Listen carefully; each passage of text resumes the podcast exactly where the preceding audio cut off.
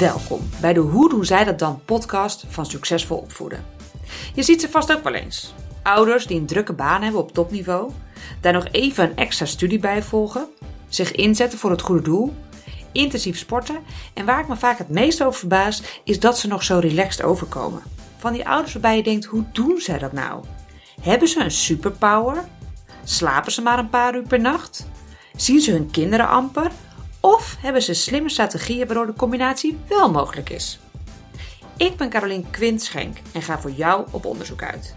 Ik vraag ouders die op topniveau werken het hem van het lijf om erachter te komen wat hun geheimen zijn. Niet enkel over het in de lucht houden van alle ballen, ook over de manier waarop ze hun kinderen opvoeden. En ik ben reuze benieuwd wat jij en ik daarvan kunnen leren om een gelukkiger en bovenal relaxter leven te leiden. In de achtste aflevering van de Hoe doen zij dat dan podcast interview ik Paulien Blanksma. Zij werkt al 20 jaar bij ABN AMRO, uh, al die tijd in leidinggevende functies en momenteel als hoofd HR, Strategy, Analytics en Change. In de periode dat ze bij ABN AMRO werkte, kreeg ze maar liefst vier kinderen. En zowel zij als haar man werken fulltime. Ze sport twee keer in de week, slaapt zeven uur per nacht, is lid van de medezeggenschapsraad en jeetje, dat allemaal in combinatie met vier kinderen. Ik ben benieuwd, hoe doet Paulien dat nou? Paulien, welkom. Dank je. Je werkt al 20 jaar bij ABN AMRO, waarvan je ongeveer 13 jaar in leidinggevende functies werkzaam bent. En ook jouw oudste zoon is 13. Ja. Uh, daarna heb je nog drie kinderen gekregen. Kun je eens vertellen hoe jouw carrière zich ontwikkelde toen je kinderen kreeg? Uh, ja, Ehm, ja, dus de eerste is 13 jaar geleden gekomen. Ik moet zelf even teruggaan in de tijd wat ik toen ook weer precies uh, deed. Um, maar ik heb dus ik heb meerdere keren heb ik natuurlijk een zwangerschapsverlof gehad gedurende over het algemeen leidinggevende rollen. Um, dat heeft in mijn beleving niet veel belemmerd. Uh, in die zin dat ja, je weet altijd natuurlijk lang van tevoren dat je een kind gaat krijgen. Dus in mijn beleving kan je daar naartoe werken en dus ook je opvang bijvoorbeeld prima regelen. Dus dat heeft mij niet belemmerd. Uh, ik heb naast vier keer een verlof ook twee keer een sabbatical gehad. Dus ik ben geregeld drie maanden eruit. En ga eigenlijk altijd weer verder in de, ja, of een nieuwe rol of een oude rol. Rol die ik al deed. Um, en twee keer sabbatical ben ik al benieuwd naar. Ja. Van wat daar, uh, hoe lang en wat de aanleiding is geweest. Um, nou, eentje deze zomer. Dus ik ben eigenlijk net weer gestart na een uh, sabbatical van drie maanden. En wij hebben uh, zes jaar geleden, toen we getrouwd zijn, ons eerste sabbatical uh, gehad. Um, en beide keren hebben we een reis van zes weken met de kinderen gemaakt. Toen dus de eerste keer met drie kinderen en afgelopen jaar met vier kinderen. Beide keren met een campertje door Europa getrokken. En de afgelopen sabbatical bijvoorbeeld heb ik mijn jongste zoon naar school begeleid. Dus die is net kleuter geworden. En toen hebben we na die zes weken heb ik nog een maand uh, nou, de tijd gehad om hem naar school te brengen. En elke dag op het schoolplein nou ja, hem te kunnen opvangen. Maar ook uh, nou, te kunnen zeggen uh, vandaag een halve dag. Of in ieder geval zijn eerste periode bewust mee te maken. En bewust afscheid te nemen van de babytijd. Dat vond ik ook nou ja, belangrijk voor mezelf. Om ja. bij stil te staan. Nou ja, dan ben ik alweer naar twee dingen nieuwsgierig. Uh, en het eerste is uh, hoe je dat zo makkelijk regelt op je werk. Die sabbaticals? Ja. De meeste ehm, werkgevers staan daar toch meestal niet heel erg om te springen. Ja, nou, ik moet zeggen dat... Uh, ik denk dat dat twee dingen zijn. Um, enerzijds, uh, is echt wel vooruitstrevend in de vitaliteit en hè, uh, de nou, de, de, de ontwikkeling van mensen zelf. Dus wij hebben, vind ik, oprecht een uh, goede arbeidsvoorwaarden waar, je dus, waar ruimte is om elke vijf jaar een sabbatical te nemen. Uh, dus, dat, dus de werkgever staat daar, vind ik, eigenlijk heel positief tegenover. De andere kant is, en die belemmering is misschien vaak nog wel groter, uh, dat je het zelf moet doen. En dat je dus jezelf ook niet moet overschatten. Uh, en moet denken van, goh, het bedrijf kan niet verder zonder mij. Of ik heb zo'n belangrijke baan, bij mijn baan kan dat niet. Ik denk dat dat nooit het geval is, namelijk. Um, dus als je, ook dit wisten wij al langer van tevoren, dat wij een sabbatical wilden nemen. Dat we op reis wilden gaan met gezin. Ik denk, kwestie van bespreken, op tijd aangeven. Uh, ik heb zelf heel goed geregeld dat ik ook werd vervangen door verschillende mensen. Dus niet één iemand heeft mij vervangen, maar meerdere mensen hebben taken van mij overgenomen. Uh, en over het algemeen vinden mensen dat heel erg leuk, omdat het de ruimte geeft om tijdelijk in een MT deel te nemen of om heel zelforganiserend aan de slag te gaan als team. Um, dus over het algemeen ervaar ik dat als je uh, eruit stapt, dat tijdig aangeeft, dat mensen die ruimte ook graag uh, pakken eigenlijk om dat over te nemen. Dus ik denk zelf dat er eigenlijk weinig belemmering is uh, om af en toe een periode eruit te gaan, zolang je dat goed bespreekt en tijdig bespreekt. Ja. Dus, dus dat is hoe ik erin En is er dan ook, als je zegt van, hè, bij ABN AMRO staan ze er heel positief tegenover, is er dan ook een cultuur dat veel meer collega's dat doen? Of mag het, maar pakken heel veel mensen het niet. Daar zie je een, in mijn beleving dus positieve ontwikkeling in. Uh, het mag al uh, langer. Ik heb het zelf dus vijf, zes jaar geleden voor het eerst al gedaan. Toen was het nog veel ongebruikelijker. Inmiddels uh, zie je dat ook veel mensen op zwaardere functies sabbaticals nemen. Dus je, ja, ik zie daar een positieve trend. Dat vaker mensen even een periode nemen om nou, op reis te gaan of uh, nou, meer met zichzelf bezig te gaan, even helemaal eruit te gaan. Ik zie dat steeds meer gebeuren eigenlijk. Ja.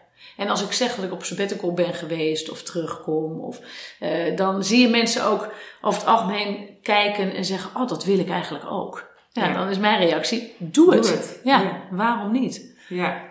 Ja. ja, mooi. Ja. En een andere vraag die ik had is: uh, jouw oudste zoon is 13 jaar. Uh, dus die is ook leerplichtig. En trouwens, jouw, uh, jouw dochter en jouw andere zoon ook in die periode. Ja. Uh, wat ik vaak verneem is dat het niet altijd even makkelijk te regelen is met school. En dat er best wel veel ouders ook zeggen van, ja, ik zou het wel willen, maar het niet doen. Nee, maar daar zijn we netjes in geweest. Dus we hebben die zes weken zijn precies de zes weken zomervakantie geweest. Dus ik was zelf drie maanden vrij en de reis was zes weken. Dus wij zijn ongeveer op dag 1 van de zomervakantie vertrokken en op de laatste dag teruggekomen. Dus we hebben ons wel aan de schoolplicht gehouden. Ja, maar goed, dat gaf dus. Uh, ik had ook alleen die zes weken kunnen doen. Ik ben zelf dus van tevoren wat vrij geweest om ook relaxed op reis te kunnen gaan. En met name die maand daarna heb ik besteed aan ja, eigenlijk kleine en grote dingen. Uh, en dus Floris naar school gebracht. Ja. Dat was eigenlijk mijn. ik denk, ja, als ik dan toch langer vrij ben, dan wil ik ook graag tijd om Floortje ja, zelf naar school te kunnen brengen. Dat vond ik een fijn gevoel. Mooi. Ja. Um, hè, want zowel jij als jouw partner hebben een, uh, een drukke baan, werken allebei fulltime. En dan heb je niet één, niet twee, maar en niet drie, maar maar liefst vier ja, kinderen. Ja, gezellige boel. Ja, en ik, en ik hoor ouders van vier kinderen ook vaak zeggen dat, dat dingen ook wel veel makkelijker gaan. Hè? Dat ze dus ook veel sneller zelfstandig worden en elkaar uh, helpen. Tegelijkertijd heb je ook vier keer sporten, vier keer zwemlessen, vier keer verjaardagsfeestjes en dergelijke. Uh, hoe combineer je dat met zo'n intensieve baan? Um, nou ja, ik zeg altijd maar, het is hier een, een, een, een altijd een gezellige, drukke bedoeling. Hè? Dus het is, uh, ja, het is druk. Ik kan niet zeggen dat het niet druk is. En twee volle banen en vier kinderen die allemaal, uh, inderdaad, wat jij zegt, uh, ik heb twee hele actieve hockeyers. Uh, en een jongen die op voetbal zit en natuurlijk een kleintje. Dus dat is altijd een beetje schipperen. Hè? Dus daar zit altijd, altijd in de gaten houden hoe zit die balans dan in elkaar. Uh, ik denk wel dat twee of vier kinderen, nou het maakt niet, niet uit, dat is natuurlijk ook niet waar. Uh, maar volgens mij is in je beleving, als je een kind hebt, dan heb je dus de, ja, de keuze gemaakt om meer te doen dan uh, of nou, hè, heb je ook het geluk gehad dat je meer kan doen dan alleen je eigen dingen of je werk. Um, uh, en vier kinderen is drukker dan twee, maar de hectiek is er toch. Dus ik denk niet dat het dubbel zo druk is, eigenlijk. Um, en ik hou van druk. Dus ik vind het gewoon leuk. Ik hou van dynamiek. Dus ik vind, we hebben ook in het weekend nog heel vaak extra kinderen over de vloer. Um, dus ja, dat, ik vind dat gewoon leuk. We hebben heel vaak een tafel vol. Joris heeft een eigen kookbedrijf, dus die is vaak s'avonds weg. Dus ik heb ook geregeld, zit ik aan tafel waar wij nu zitten, aan de grote keukentafel. En dan heb ik zeven kinderen of zo hier zitten. Dan denk ik, ja, drie of vier of zeven maakt mij niet zoveel uit. Dus er is ook altijd wel plek voor meer kinderen. Dus het is redelijk in- en uitstroom hier. En dat vind ik juist fijn. Ja, ik hou gewoon van veel. En ik hou van druk. Ja, ik kan er niks anders van maken. Ja.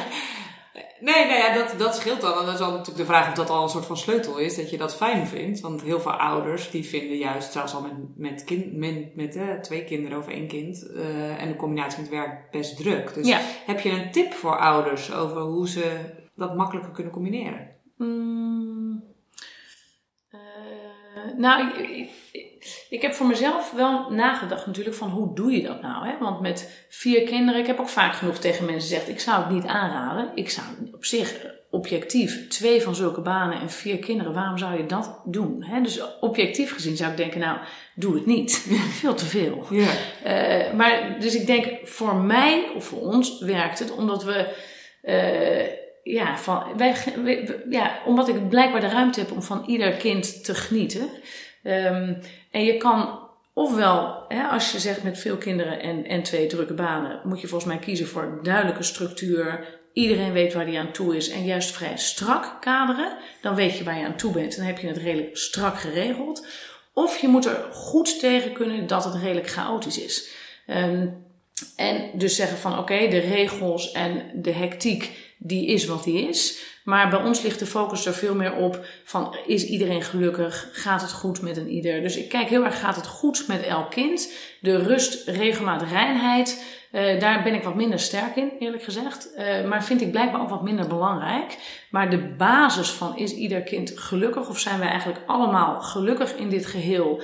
Hoe is het met elk individu? En de ruimte geven aan de individuen aan tafel.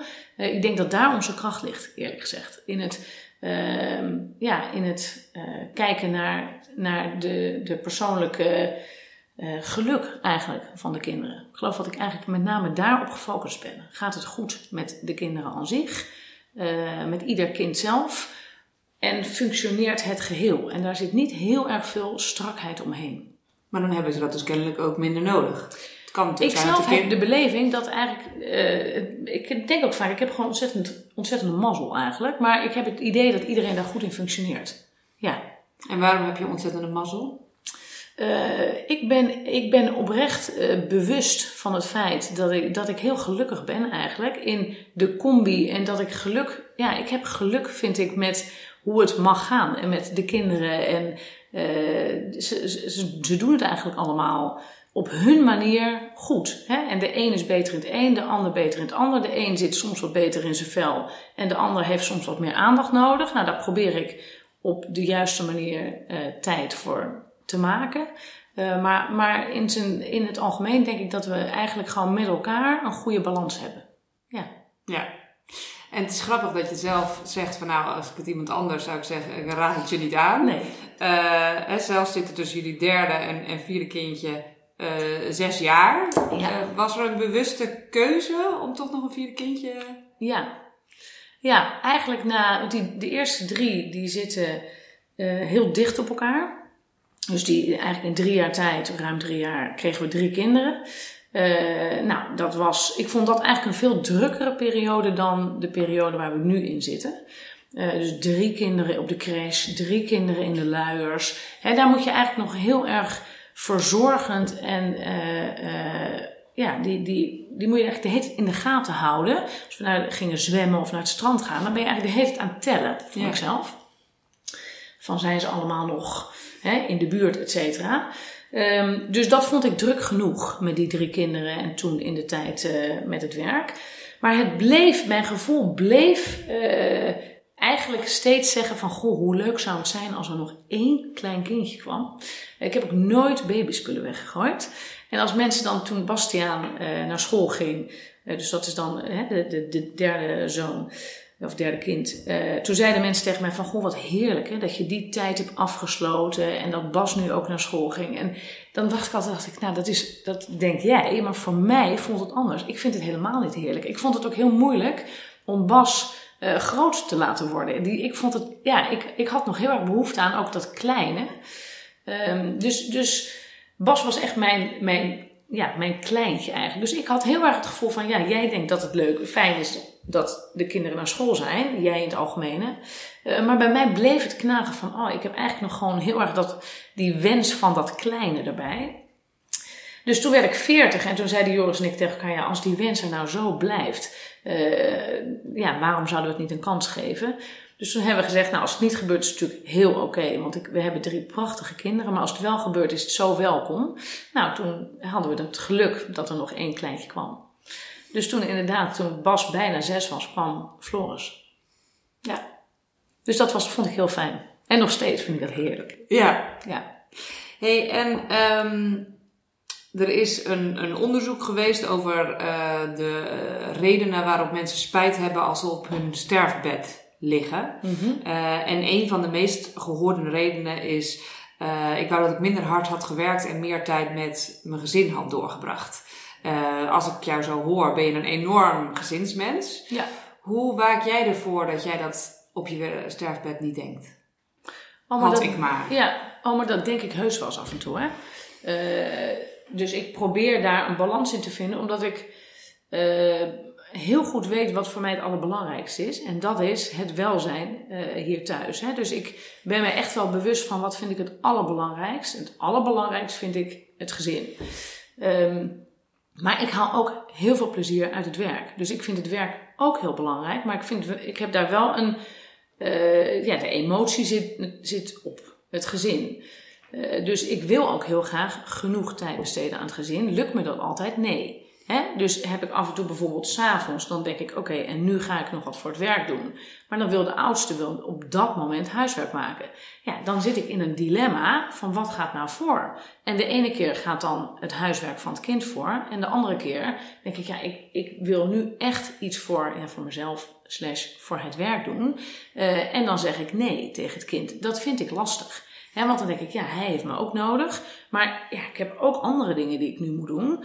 Uh, ik ben onlangs in de medezeggenschapsraad van school gegaan. Ja, vergt ook tijd. Wil ik ook graag tijd aan besteden. Dus ik vind dat af en toe best lastig. En ik kan ook knorrig zijn als ik uit het werk kom. Hè. Dus als ik een drukke dag heb gehad en ik kom thuis, ben ik knorrig. Uh, ja, en dan ben ik ook niet heel aardig op dat moment voor de kinderen. En daar voel ik me ook schuldig over. Denk ik, dat wil ik eigenlijk niet. Ik wil thuis graag aandacht aan de kinderen besteden. Lukt me natuurlijk niet altijd. Dus ik heb ook wel s'avonds lig ik in bed denk ik, hè, Jackie, dit had ik niet gewild. Weet je, dit vond ik niet gezellig. Ja. Um, nou, daar probeer ik dan de volgende dag weer ja, of na te denken over hoe ga ik dat dan aanpakken. En ik zeg ook sorry. Dus ik zeg ook sorry jongens, ik ben gewoon mama's moe. Of uh, nou, ik zit met mijn hoofd bij iets anders. Of uh, dus ik probeer uit te leggen waarom ik knorrig ben. Of sorry te zeggen daarover. En ik ben ook een mens. Dus ja, dat, dus ik doe niet altijd wat ik, wat ik wil natuurlijk. Hè? Uh, nee. Of wat ik in, in wat ik het allerbelangrijkst vind. Maar generiek genomen denk ik wel. Ja. Nou ja, kijk, omdat je dus zegt van ik, eh, ik, vind, ik zou dan meer tijd aan ze willen besteden, maar je staat ook in de medezeggenschapsraad. Ja. Naast dat je natuurlijk al wel een drukke baan hebt. Ja, maar dat is nieuw. Want ik heb jaren, eigenlijk, eigenlijk de afgelopen 13 jaar, hè, je hebt het mooi eh, op een rijtje gezet, uh, van de kinderen heb ik heel bewust keuzes gemaakt. Ik doe, mijn aandacht gaat naar het gezin en mijn aandacht gaat naar werk. Dat zijn de twee hoofddingen die ik doe. Uh, en elke week eet ik ongeveer één keer met een vriendinnetje, denk ik. En met, natuurlijk ga ik naar mijn ouders, dat soort dingen. Hè. Maar dat, dat was wat ik deed en dat vond ik ook heel oprecht oké. Dus ik heb best wel dingen die ik leuk vind, zoals fotografie. Of hè, dus inderdaad wat meer de maatschappelijke kant. Waarvan ik vrij bewust heb gezegd, in de eerste 13 jaar of afgelopen 13 jaar, die komen wel. Hè, die ga ik doen als ik wat meer ruimte in het hoofd krijg. En nu wil ik gewoon twee dingen goed doen en full dedication doen. En dan, ja, dat, dat heeft een consequentie. En die heb ik eigenlijk heel makkelijk geaccepteerd, eerlijk gezegd. Dus ook bepaalde dingen niet. Uh, en eigenlijk in dit sabbatical, afgelopen zomer dus, uh, en nu dus Floor ook naar school is, vind ik ook dat het tijd wordt uh, en ervaar ik ook dat er in mijn hoofd wat meer ruimte ontstaat om naast gezin en werk een paar andere dingen te gaan doen. Dus ik, ik, uh, ik, ik heb het idee, er mag iets meer ruimte ontstaan voor bijvoorbeeld de medezeggenschap. Dat wil ik al heel lang. Maar tot nu toe dacht ik steeds ooit. En nu denk ik, nee, dat moment is wel gekomen. Dat ik wat meer tijd ga besteden nou, aan nou, bijvoorbeeld de medezeggenschap. Of hè, ik zou best graag op een gegeven moment wat meer willen bijdragen aan de maatschappij. Dus er gaat wel een kanteling voor mij komen naar wat meer tijd aan, nou, wat meer maatschappelijke betrokkenheid. Ja. Ja, dat wil ik ook en je, graag. en je zegt ook van ik heb dat vrij makkelijk geaccepteerd. Ja. Ik denk dat dat voor veel ouders een issue is dat ze dat niet zo makkelijk Ja. accepteren. Hè? Dat ze eh, alle ballen eigenlijk maar in de lucht willen houden en, en dus niet bereid zijn om er eentje neer te leggen. Nee, Eh, dat denk ik ook. Hè, dus of niet zo goed niet bereid of niet zo goed weten dat het überhaupt kan en hoe ze het dan moeten doen. Ja. Hoe, want je zegt ik heb het vrij makkelijk geaccepteerd. Hoe komt het dat je dat zo makkelijk eh, hebt kunnen accepteren? Heb je daar een, een, een beeld van waarmee we andere ouders kunnen inspireren? Mm. Nou, dat zit hem denk ik in dat toch bewustzijn. Ehm, en eh, toch bewust zijn van wat vind ik nou belangrijk. En de dingen die ik belangrijk vind. Ik doe liever een paar dingen met overgave. Ik kan ook niet zo goed anders dan dingen met overgave doen. Hè. Dus de dingen die ik doe, doe ik graag eh, vol ja, passie, vol overtuiging. Eh, daar zit ik dan graag helemaal in. Eh, en anders doe ik het liever ja, niet. Maar dus heel veel, een beetje vind ik zelf niet zo prettig. Dus ik heb best bewust keuzes gemaakt van wat vind ik nou belangrijk. En als ik het doe, dan doe ik het ook vol overgave. En ja, daar was voor mij in ieder geval in de 24 uur die ik op een dag heb, vond ik het voldoende om die tijd in gezin en in werk te steken. Eh, en dat dan ook beide vol overgave te doen. En dan, is het, ja, dan blijft het ook beide leuk. Ja. Hè, dus dan blijf, en, ik, en ik ervaar dus nu, Floris is naar school. Dus dat geeft natuurlijk toch een andere fase, eh, komt eraan. Ik heb dus nu ook voor het eerst alle babyspullen weggedaan. En dat voelt me goed ook. Hè, waarbij ik bij Bastiaan echt niks wilde wegdoen. Omdat ik steeds dat gevoel hield van, goh, je weet het nooit. Ja. Eh, en nu denk ik, eh, de grap is, ik vind het dus nu ook oké dat Floor groot wordt. En bij Bastiaan, het heeft Bastiaan heel goed gedaan, denk ik. Dat er nog een klein kindje gekomen is. Want die vind ik, ik vind het nu ook oprecht leuk dat Bas groot wordt. Hè, dat heeft overigens best een, ehm, nou dat was ook best een beetje een zoektochtje. van hé, hey, Bastiaan is niet meer het kleinste kind, maar is het één na kleinste kind geworden. En hoe werkt dat? Ik vond dat een, fase die, eh, nou dat heeft, dat heeft best wat bewust eh, opvoeden gekost in mijn beleving. Moet ik wel een beetje af van jouw vraag. Eh, dus ja, we zaten op de keuzes. Hè? En, Ja, over hoe eh, je, hoe je dan zo makkelijk wel kan accepteren dat je niet alles kan doen. Dat je niet alle ballen maar in de lucht kan houden. Ja, dat zit hem denk ik in gewoon het, graag een paar dingen echt goed willen doen. Ik heb bijvoorbeeld ook een tijd weinig gesport. Nou is dat ook niet mijn grote liefde, maar die liet ik ook makkelijk gaan. En nu sport ik weer twee keer in de week. Ja. Dus er is, er is bij mij wat ruimte ontstaan om een paar dingen erbij te doen, maar dat worden ook geen tien dingen. Weet je, dat zijn nog steeds een paar dingen die ik dan nu, nou dat sporten, die medezeggenschap, daar voel ik nu ruimte voor. Dus die vul ik nu in. ja. Ja, ja. Hey, ehm, wij zijn heel, zelf heel erg voorstander van persoonlijke ontwikkeling. Ja. Ja, wij vinden dat, eh, dat het echt een onderbelicht onderdeel is in de maatschappij. En dus ook zeker in de opvoeding. En Ja. dat ook ja, met wat de maatschappij nu verandert en qua extra druk op kinderen legt, ook vraagt om, om meer nadruk daarop. En jij bent zelf verantwoordelijk voor eh, Human Resources. Ja. En vanuit dat kader ongetwijfeld veel bezig met persoonlijk leiderschap. Welke rol speelt dat in de opvoeding van naar je kinderen? En zijn er bepaalde theorieën die je in je werk gebruikt, die je doorvertaalt naar opvoeden? Eh, nou, misschien niet zo bewust als jij dat eh, doet, hè, want je hebt er je, je vak eigenlijk van gemaakt. Ehm, maar waar ik wel heel erg mee bezig ben, is, eh, en wat ook echt een thema in het bedrijf is, of in het bedrijfsleven denk ik, is zelfreflectie en hè, kijken van. ehm, nou, wat ik eigenlijk in het begin ook al een beetje zei, van zit, zit iemand lekker in zijn vel? En dus ook ruimte ervaren van, ehm, eh, nou, bijvoorbeeld met, ik had het net al even aan, met Bastiaan, die dan niet meer de kleinste was, maar het- het ene kleinste kind werd, maar het was niet de oudste, het was niet de jongste, het was niet het enige meisje. Dus ja, dat was voor hem ook een fase en ook voor mij, van ja, wat is hij dan eigenlijk, wat is zijn positie dan eigenlijk in een gezin? Ehm, en hij heeft toen in die fase dat Floor net geboren, Floris net geboren was, uh, toen ging hij een periode een beetje rare dingen doen. Dus op een gegeven moment is hij zelfs uit het dakgoot, althans de schilder belde bij mij aan. Die zei, er liep gisteren een jongetje bij jou in de dakgoot. Oh. Nou, nou, dat was natuurlijk een, echt een schrikmoment. Ja? Ik dacht in eerste instantie zei ik nog van, goh, bedoelt u niet bij de buren? Was hem even een moment van hoop. Nee, zei hij, dat was echt bij u. Ik zei, hoe ziet hij eruit? Toen dacht ik, dat moet mijn, eh, mijn Bastiaan zijn geweest. En gelukkig was hij op dat moment niet thuis, dus kon ik het even laten bezinken. Ehm, eh, en toen heb ik, zeg maar, toen hij thuis kwam en ook zelf met hem van, joh Bas, wat, wat drijft je dan? Hè? Of waarom, waarom deed je dat dan? In eerste instantie was het wel terughoudend van, nee, dat was ik niet. Want toen was hij Toen was hij zes. Ja, zes. Ja. Ehm, maar toen waren er nog een paar van dat soort andere dingen. Die, hè, een beetje, hij heeft toen met een ander kindje ging die met stenen gooien. Nou, een beetje baldadige dingen. Dat ik dacht, hé, hey, wat, daar kan je natuurlijk bozig over worden. Of, hè, uh, maar toen was ik eigenlijk vrij snel, gelukkig kwam ik tot de reflectie ook met hem. Van hij is ook misschien wel een beetje aandacht aan het vragen. En misschien is die uh, een beetje in een zoektocht naar nou, die positie ook die hij heeft in het gezin. Tussen groot worden, klein worden, een beetje spanning opzoeken. Uh, dus ik heb toen eigenlijk vrij veel aandacht aan hem besteed. Van hey Bas, uh, wat vind je leuk? Waar, hè? Dus gewoon tijd, veel meer tijd eigenlijk aan hem als persoon besteed. Uh, en dat deed hem eigenlijk heel erg goed. Dus toen, dat, dat vind ik eigenlijk een moment van reflectie en van ook gewoon tijd en aandacht in praten met een kind.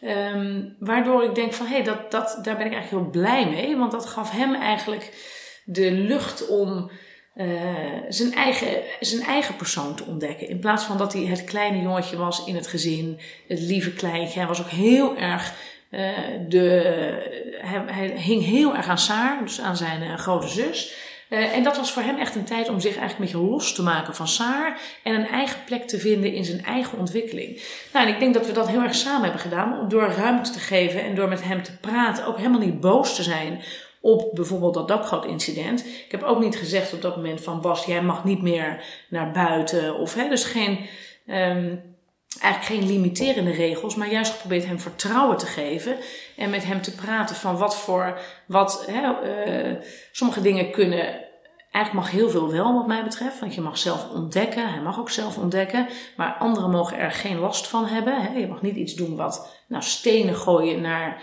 uh, auto's of dingen, ja, dat mag niet. Uh, en het mag niet levensbedreigend zijn. Nou, een dakgoot is daadwerkelijk levensbedreigend. Verder heb ik hem heel veel ruimte gegeven om juist zelf te experimenteren, maar wel binnen die twee kaders. Dus kaders levensbedreigend en anderen mogen er geen last van hebben, maar daarbinnen zoek je eigen, ja, zoek ook een beetje en, en vertrouwen geven. Um, en dat heeft bij hem heel goed uitgepakt. Dus dat vertrouwen en zelf mogen zoeken, maar wel tijd en aandacht voor hem. Daar is hij, ja, hij heeft daardoor heel erg, denk ik, zichzelf, uh, zichzelf kunnen worden. Ja, en ik denk dat dat te maken heeft met persoonlijke ontwikkeling en met, uh, ja, met dus kijken naar de individu. Ja. Uh, en niet zozeer naar regels of naar hoe het allemaal zou moeten, uh, maar veel meer ruimte geven aan de persoon. En is dat ook iets wat je op je werk zo doorvoert? Ja, ja. Ik denk dat ik heel als leidinggevende veel tijd besteed aan aan mensen zelf laten ontdekken. Uh, aan wel, hè, dus die kader stellen, duidelijkheid geven uh, waar binnen hè, of waar we naartoe gaan bijvoorbeeld. Dus de richting aangeven. Maar hoe mensen dat dan doen, ik ben heel erg gecharmeerd dat mensen dat op hun manier doen.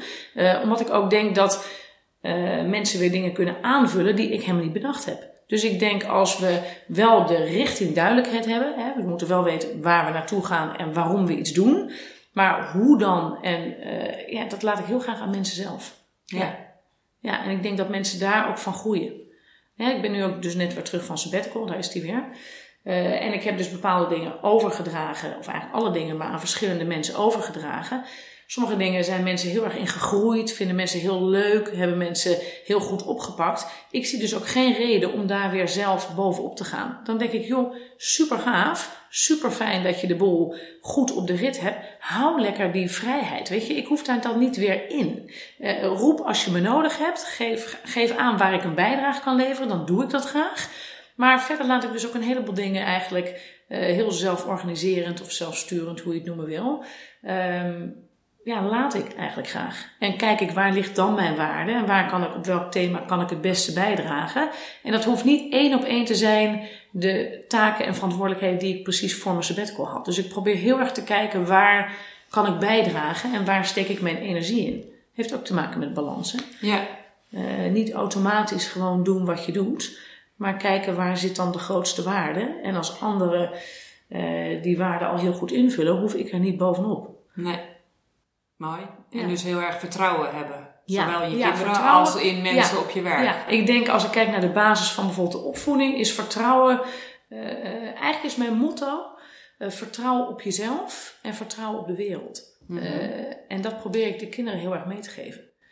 Hè, dus doe gewoon wat jij denkt dat goed is. Probeer bij jezelf te blijven. Probeer je eigen keuzes te maken.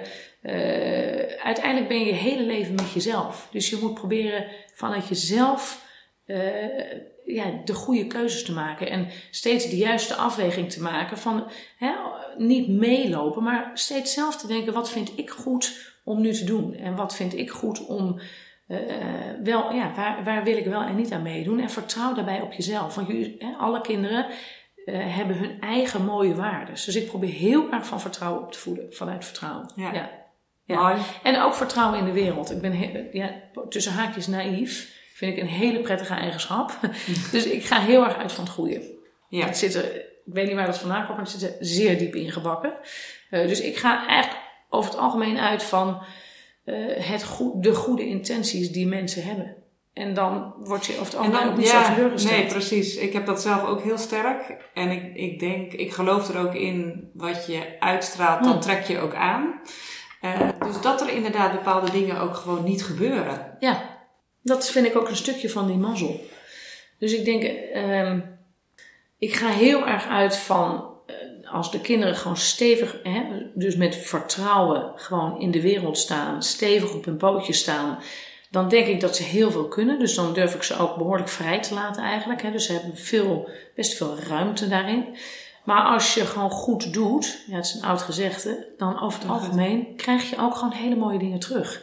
En dat de ik vraag is ja, hoeveel mazzel het dus is. Hè? Ja, dat is ook de vraag. Maar ik, ik ben mij dus wel bewust uh, van, um, nou, van eigenlijk misschien het geluk dat ik ervaar. Ja. Ja, en een heel groot deel heb je ook daarvan natuurlijk zelf in de hand. Maar op het werk denk ik dat ook. Je kan ook gewoon op een leuke, prettige manier met elkaar omgaan. En als je dat zelf doet, krijg je dat eigenlijk altijd terug. ja. Dat is mijn ervaring. Ja. Mooi. Um, jouw man heeft een eigen bedrijf en die werkt ook veel uh, s'avonds. Hoe zorg je dat je relatie niet het sluitstuk wordt van uh, dat je niet continu langs elkaar heen leeft? Nou, dat vind ik een moeilijke. Die, uh, dus ik vind de aandacht voor de kinderen, tuurlijk heb ik, wil ik met liefde nog meer tijd besteden. Maar ik vind de aandacht voor de relatie vind ik eigenlijk moeilijker uh, dan de aandacht voor de kinderen om die er goed in te krijgen. Um, uh, dus, dus soms is dat het sluitstuk. Uh, dat is niet mijn intentie, ook niet van mijn man. En als we dan weer zo'n lange reis maken, dan is dat heerlijk. En dan hebben we ook altijd heel veel. Wij kunnen heel goed dromen en plannen maken voor de toekomst. Dus we hebben, dat is heel fijn. Dus in de uh, in hoe we kijken naar de opvoeding vinden we elkaar heel goed. In, uh, maar ook in hoe we kijken naar de toekomst. Dus we hebben heel veel plannen wat we, die we graag samen nog willen uitvoeren. Dus dat stuk vind ik uh, heel, eigenlijk heel inspirerend en ook heel, ja, gewoon geeft me een heel goed gevoel.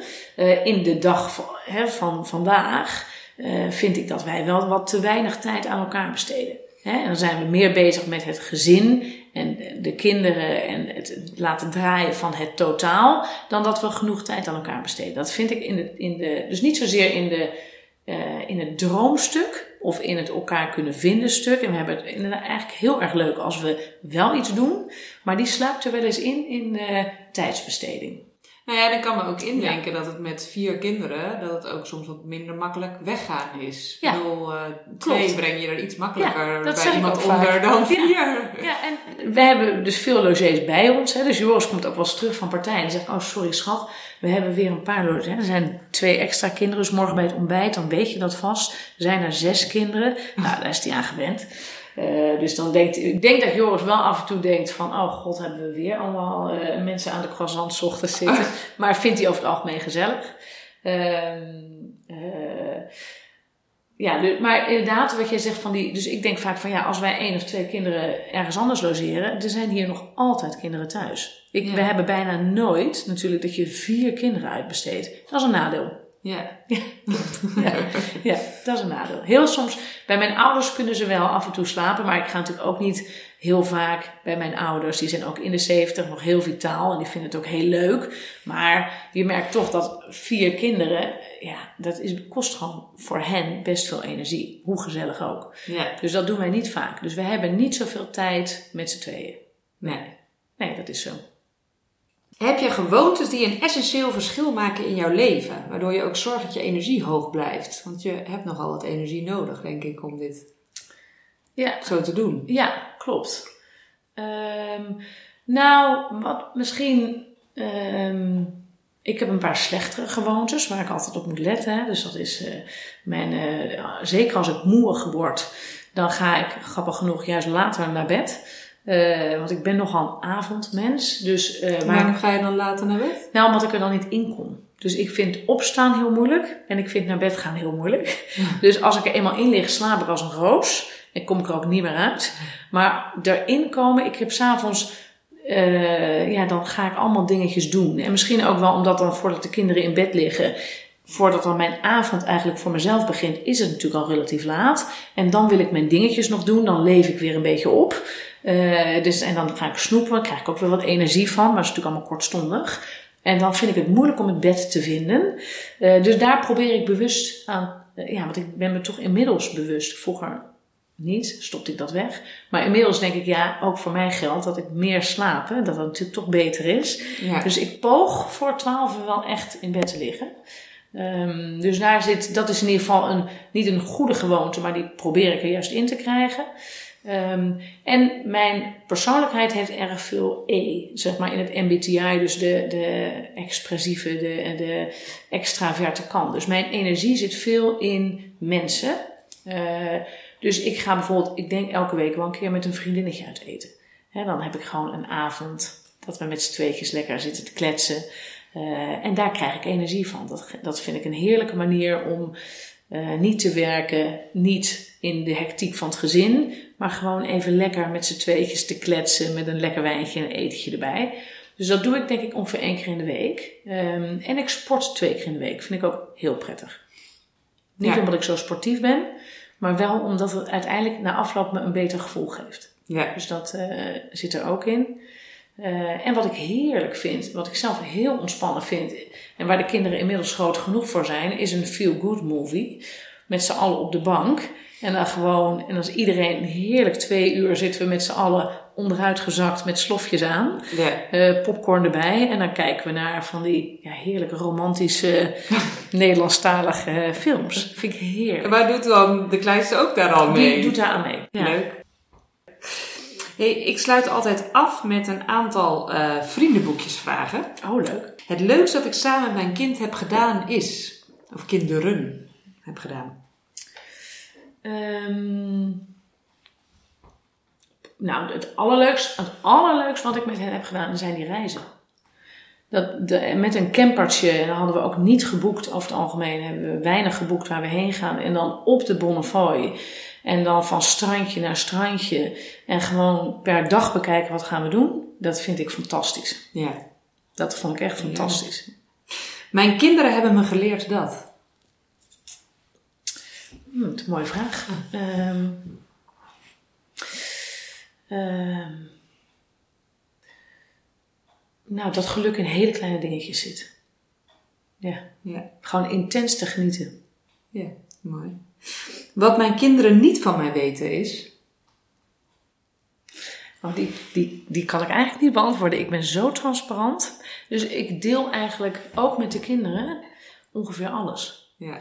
Dus zij, uh, dat is ook misschien wel een bewuste keus. Ik denk dat kinderen, zoveel als zij vragen, ik antwoord eigenlijk overal op. En overal eerlijk. Dus ik denk dat onze kinderen heel bewust en heel, uh, ja, heel open daardoor in het leven staan. Want ik deel eigenlijk alles. Ik, ja, die kan ik eigenlijk niet beantwoorden. Nou ja, maar niks, niks is ook Ja. een antwoord, hè? Ja. Dus, eh, Ja. Ehm, ik heb dat zelf overigens ook. Dat eh, een tijdje geleden had ik een knobbeltje in mijn borst. En eh, dat hebben wij ook gewoon met de kinderen Ja, gedeeld. dat zou ik ook doen. En eh, weet je, heel veel ouders die zeiden van, jeetje, weet je, moet je eens daarmee opzadelen. Ja, oh, doe ik ook. Maar ik zei, ja, weet je, ik kan niet, moet ik daar dan elke dag toneel gaan spelen? Ik zeg, het houdt mij bezig, weet je. Ja. Dus ja, Ja. voor mij was het, en natuurlijk, we hebben het niet meteen verteld. We hebben wel eerst even eh, de mammografie afgewacht en toen bleek dat het verder onderzocht moest worden. Dus toen zei ik wel van, en toen viel ik ook op een gegeven moment een keertje uit aan tafel, dat mijn zoon zei van, nou mama, wat is er met jou aan de hand? En ik keek mijn man aan en we hadden echt aan één blik genoeg, we gaan het vertellen, Ja. weet je. Ja. Want eh, dat zou nog minimaal een week duren voordat we er meer over zouden weten. En dan denk ik, ja, ik, weet je... En tuurlijk, sommige mensen zeggen, je moet een kind daarvoor beschermen. Ik denk, het hoort ook bij het leven. Ik ook. Weet Ja. je? En ja, het leven is soms onzeker. En, en het leven doet soms pijn. En er zijn soms dingen. En, en, maar dat mogen zij ook zien. Weet Ja. je? Daar leren zij ook van dat Zeker. dat, dat dat zo is. Dus eh, En dan leren ze ook hoe je daarmee omgaat en dat je dingen dus kan delen en dat dat helpt. En eh, ja, dus ik deel eigenlijk alles. ja. Ja. Ja, ik ook. Ehm, mijn grootste opvoedblunder. Ehm, oh, nou. Ja, oh ja, toen schaamde ik me dood. Toen had ik een camping eh, in een, ik weet niet eens meer waar, in Noord-Italië volgens mij. En toen op een gegeven moment maakten de kinderen veel geluid. En toen, tenminste dacht ik. En toen ging ik naar de buren van de tent. En toen zei ik van sorry dat de kinderen wat veel geluid maken. Ik hoop niet dat u er last van heeft. En toen zeiden zij, ja ik schaamde me dood. Nou, wij horen vooral uw kleinste zoon en uzelf.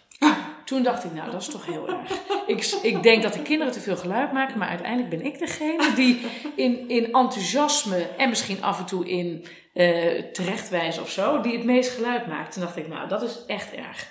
Dus toen, eh, daar werd ik mij wel, toen werd ik wel even een spiegel voor gehouden van, oh, wacht even. Ja. Ik maak, en daardoor maken de, in die hectiek van ons, maken wij dus allemaal veel geluid, inclusief ikzelf. Ja. Dus daar schaam ik me soms voor.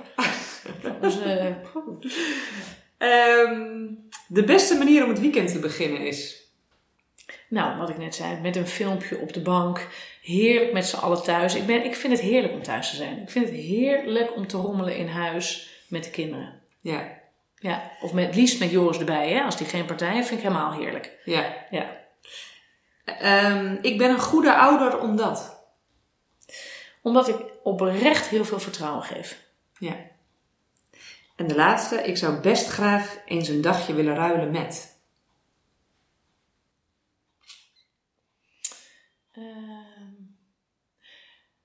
eh, ik zou best graag eens een dagje willen ruilen met. eh, nou, dan neem ik een, een vriendin van mij.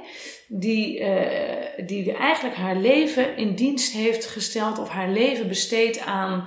eh, die is eh, van oorsprong verpleegkundige. En die, die heeft zich ontzettend geschoold in allerlei. nou, eigenlijk ontwikkelingshulp. En die zit een heel deel van haar tijd in Cameroen en in andere landen in Afrika. En die is daar zo een bijdrage aan het leveren aan het verbeteren van die leefomgeving. Daar, daar ben ik, vind ik gewoon heel knap. Dus dat zou ik echt heel graag meer van willen doen. Ja. Ja. En is er iets wat je nu tegenhoudt dan om dat nu niet te doen? Nou, dat, dat vind ik heel lastig te combineren met het gezin. Hè. Dus dan komen die keuzes weer eh, eh, eigenlijk om de hoek kijken. Ik denk, ja, ik heb, heb, ja, wij leven hier met elkaar. En dan heb ik het er blijkbaar niet voor over om het hele gezin daarvoor overhoop te halen. Eh, ik ben wel bezig met kijken hoe kan ik. Ik heb nog twintig werkzame jaren voor mijn eh, vo- vormen, wat ik ook heel leuk vind. Eh, ik wil heel graag daarin op een gegeven moment wat meer die maatschappij in. Dus ik zou op een gegeven moment best het onderwijs of op een andere manier directer bijdragen aan de maatschappij. Daar, En daar ben ik over aan het nadenken hoe ik dat ga doen en wanneer ik dat dan ga doen.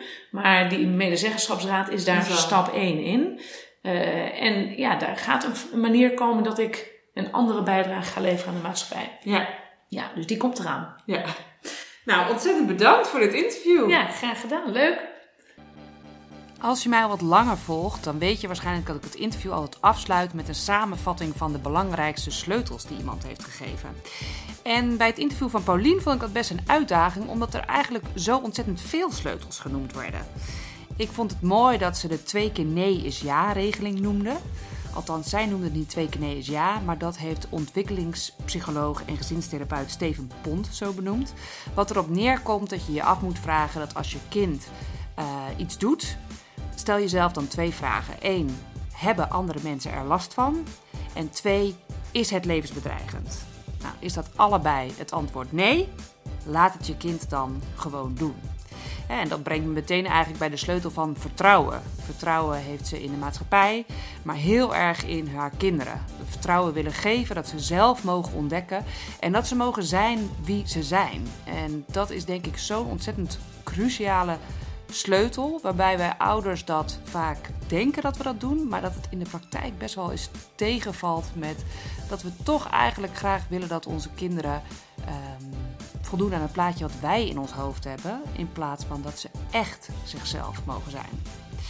Nou, een andere hele belangrijke is zelfreflectie en bewustzijn. Bewustzijn over dus je eigen gedrag, maar ook wat nou echt belangrijk voor je is. En als je weet wat echt belangrijk is, dan is het veel makkelijker om focus te hebben en dus ook om de consequenties te accepteren.